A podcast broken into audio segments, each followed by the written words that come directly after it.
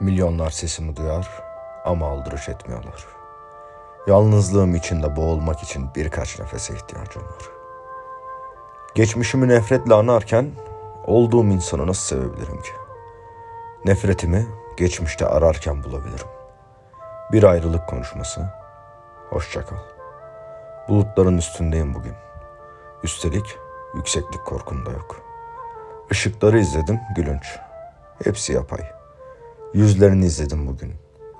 Onlar mı yalancı yoksa ben de mi hata? Onlar inanır bilmediklerine ama ben yanılıyor olamam.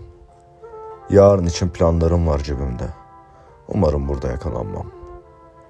Umarım bu dumana bağlı kalmam. Yüzümde hatalar, vücudumda ağrılar.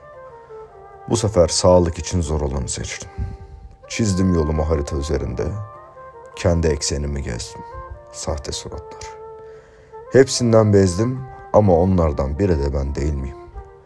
Son günlerde sayfalarca şey ezberledim.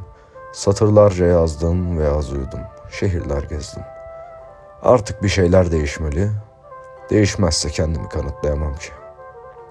Bu eksiklik bir varoluşun ürünü ve içimde sıkışıp kalırsam kaybolurum. Artık kendi içime sığmıyor düşüncelerim. Haykırmam gerekli.'' Kısık sesin. Bilirim. Sonsuza dek sürecek gibi bir huzur hissettiğin. Kaçıncı düzlükte sıkılıp terk ettiğini hatırla. Gözlerim eziyor göğüs sustukça.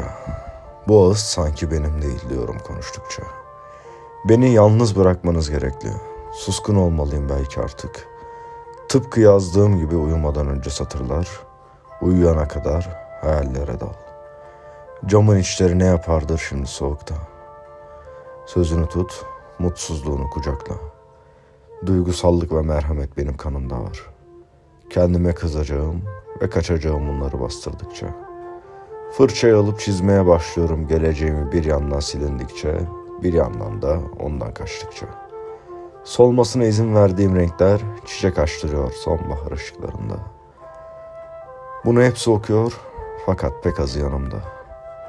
Bu hissi pek çoğu biliyor fakat çok azı hatırlar. Kusursuz dikişler mümkün olur mu zamanın açtığı bu gençlik yaralarına?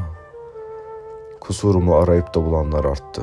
Bu göz önüne çıktıkça fakat peki ya onların fikirlerini sormadıysam? Sadece bahsediyorsam kendi hislerimden buna kim diyebilir ki saçma? Peki senin mantığın ne zaman oldu da boğulurken gözyaşlarında?''